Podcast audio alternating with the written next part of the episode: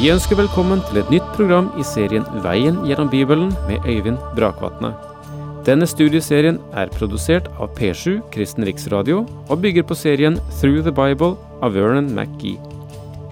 I dag fortsetter vi med gjennomgangen av Matteus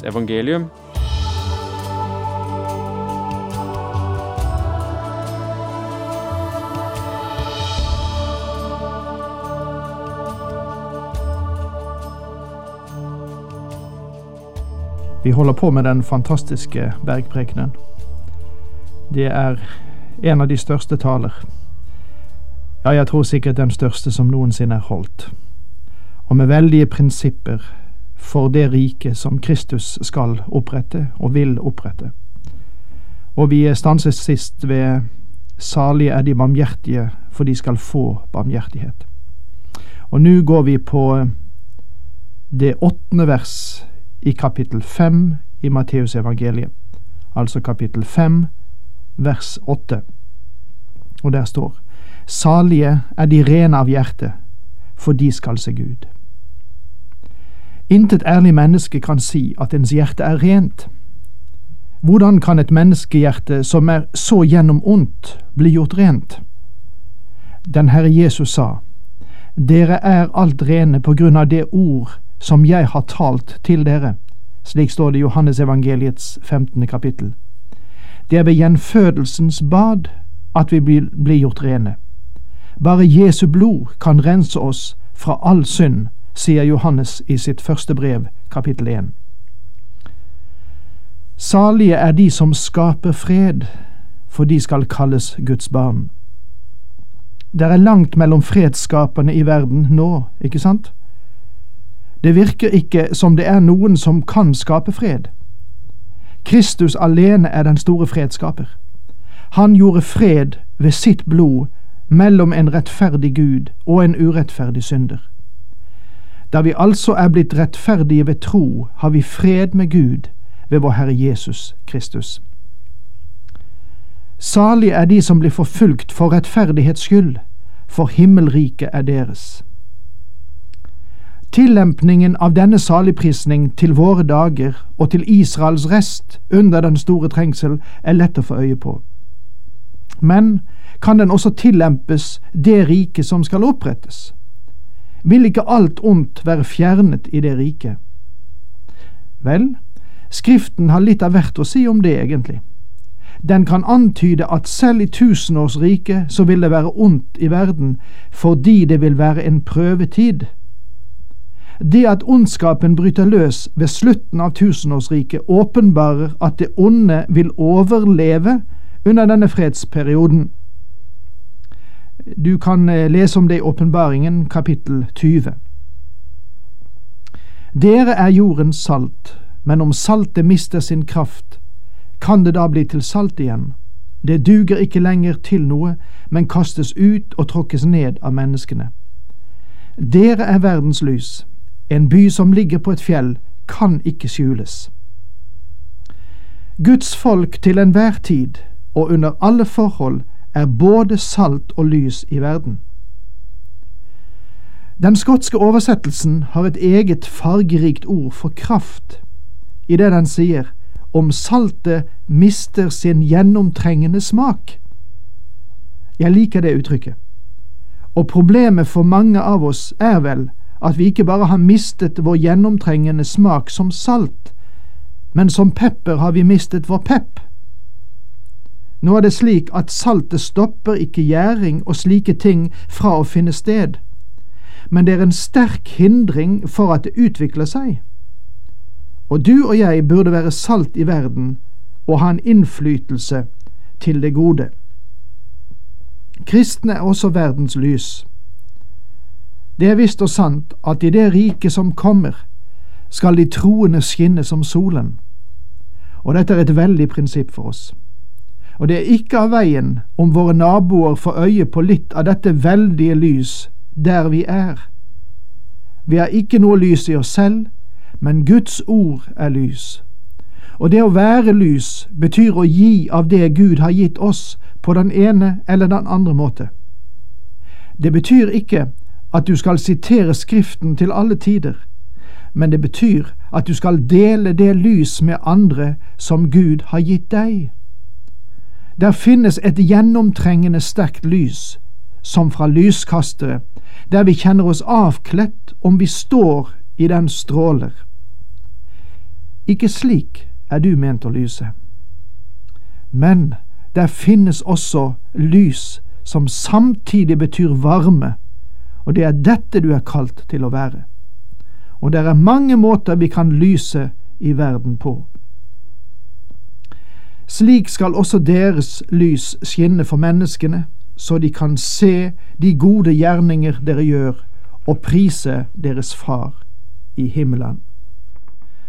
Det er dem som har en liberal overbevisning, og som føler at bergprekenen er antroposentrisk, det vil si menneskesentrert, fremfor teosentrisk eller gudsentrert.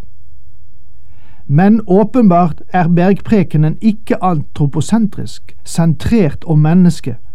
Den er teosentrisk, Si meg, sier dette verset, la ditt lys skinne for menneskene, så de kan se dine gode gjerninger og ære deg og klappe deg på skulderen og gi deg en medalje og en pokal? Nei, dette verset sier at du skal la ditt lys skinne slik i denne verden at du ved det kan ære din Far som er i himmelen.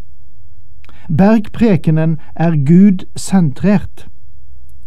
Under tusenårsriket, under rikets tid her på jorden, vil alt som blir gjort og sagt, være gudsentrert.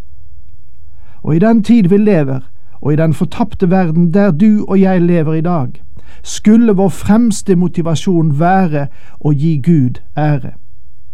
Dette er noe som enhver kristen skulle vurdere meget alvorlig.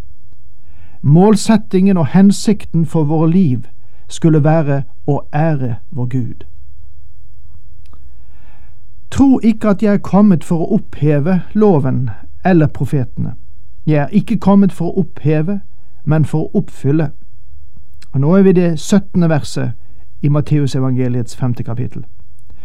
Husk at deler av Moseloven var seremonilov. Kristus var ofret for verdens synd, lammet slaktet før verdens grunnvoll ble lagt. Kristus kom ikke for å gjøre loven til intet eller sette den til side, men for å fullbyrde den. Han fullbyrdet den ved at han holdt den gjennom hele sitt jordeliv. Og den standard som ble satt for mennesket, var han i stand til å fylle, og nå er han i stand til å overføre til deg og meg og enhver troende sin egen rettferdighet. Guds standard har ikke forandret seg men du og jeg kan ikke holde den i vår egen kraft. Vi trenger hjelp. Vi trenger en frelser.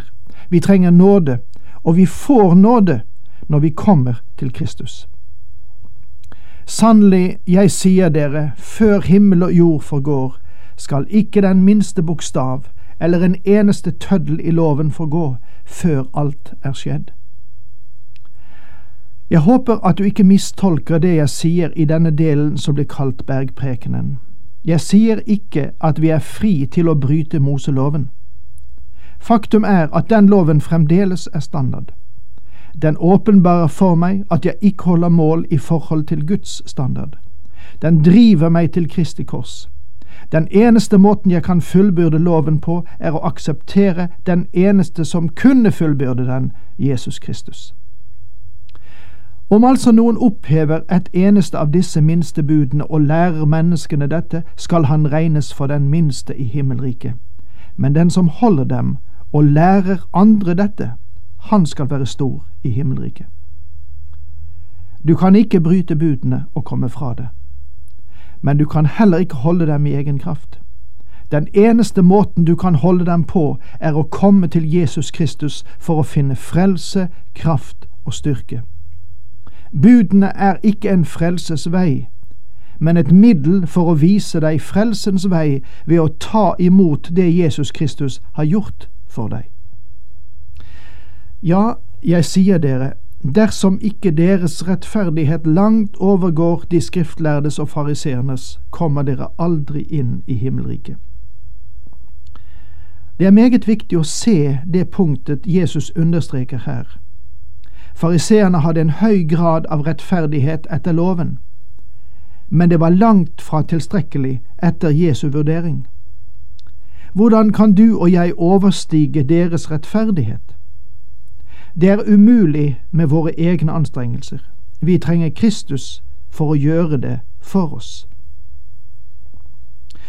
Dere har hørt at det er sagt til fedrene, du skal ikke slå i hjel, og den som gjør det skal komme for domstolen. Men jeg sier dere, den som blir sint på en annen, skal for domstolen, og den som sier til en annen, din dumrian, skal stilles for det høye råd, og den som sier, din ugudelige narr, skal være skyldig til helvetes ild. Dette er et kolossalt utsagn. Det betyr at hvis vi er vred på vår bror uten grunn, og hvem vil presentere en grunn som ikke er diktert av våre kortsiktige menneskelige vurderinger, så betyr det at du er en morder. Sier du at du holder Moseloven? Du kan ikke bryte loven og gå fri. Du kan ikke gå fri ved å skryte av at bergprekenen er din religion, og så bryte hver del av den. Min venn, både du og jeg trenger en frelser som fullkomment har holdt loven, og som kan tilskrive oss sin rettferdighet. Sannelig, jeg sier deg, du slipper ikke ut før du har betalt til siste øre. Legg merke til at Jesus sier sannelig, jeg sier deg. Han løfter sin egen lære over det Moses har lært. Han hever seg selv til å være lovgiver og også lovtolker. Dere har hørt det er sagt, du skal ikke bryte ekteskapet. Men jeg sier, den som ser på en kvinne med begjær etter henne, har allerede begått ekteskapsbrudd med henne i sitt hjerte. Dette går jo særlig på menn og deres forhold til kvinner, men det vil sikkert også gjelde andre veien, og her får vi være ærlige og spørre oss selv, har vi holdt og holder vi loven? Husk at det var ti bud. Selv om Matteus bare nevner disse to som Kristus gav sin tolkning av, så er jeg sikker på at han tok dem alle og løftet dem opp på det samme plan som disse som nå er nevnt. Å, min venn, bergprekenen viser meg at jeg har syndet, og at jeg sannelig trenger å komme til ham for å få nåde og hjelp. Å si at vi lever etter bergprekenen og hele tiden bryter den, det er bare å bekjenne at loven ikke er viktig for deg. Men det er den for Gud. I de følgende versene behandler Herren på en veldig måte loven og menneskets forhold til den. Og det skal vi ta opp eh, neste gang, for nå er vår tid omtrent ute. Ja, jeg beklager vel at vi ikke kan eh, gå så dypt inn i hver enkelt ting som vi kanskje ønsket, men vi må også komme frem. Men kan vi gi en smakebit, så kanskje dere kan danne grupper på hvert sted og drøfte tingene videre, og gjennom det også komme dypere. Lykke til, og Herren med dere.